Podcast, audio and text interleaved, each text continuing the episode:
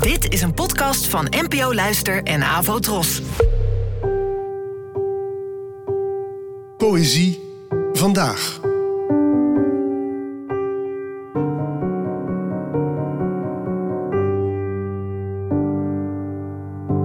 Hallo, dankjewel dat je luistert.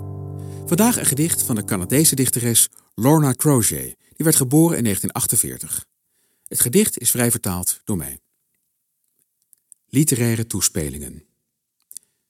D.H. Lawrence beschreef de zijne als dik en gebogen. De vrouw keek hem eerbiedig aan. Hij noemde hem hoogstaand en de koning der glorie. Hij rees op uit een kleine wolk van kleurig, goudrood haar.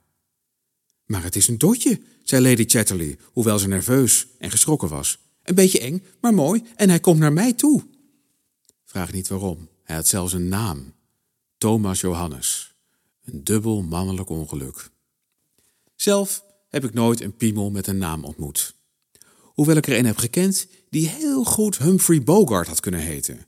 Hij had diezelfde persoonlijkheid van zijwaarts uit je mondhoek praten en hij rook naar sigarettenas. Unieke types zijn het zeker. Sommige bleek met een blauwige tint, andere rood als aardbeien, sommige schuw als een mus in je hand, andere recht als een landmeterstok, weer andere met een soort bocht, alsof ze niet kunnen kiezen welke kant het op moet. De naam die een man zijn piemel geeft, kan niet anders dan veelzeggend zijn.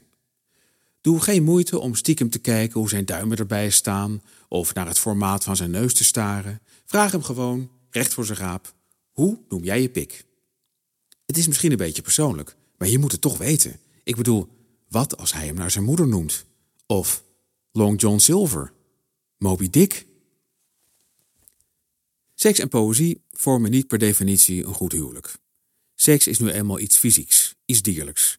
Gedichten zijn dingen van taal, cerebraal.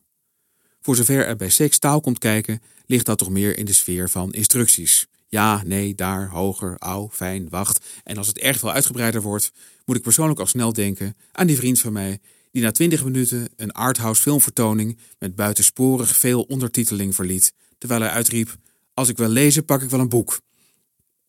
Maar dit gedicht, het komt uit een langere cyclus van penis poems, die allemaal bijzondere moeite waard zijn, heeft een eerlijkheid en grapdichtheid die de gêne en bleuheid ver achter zich laat.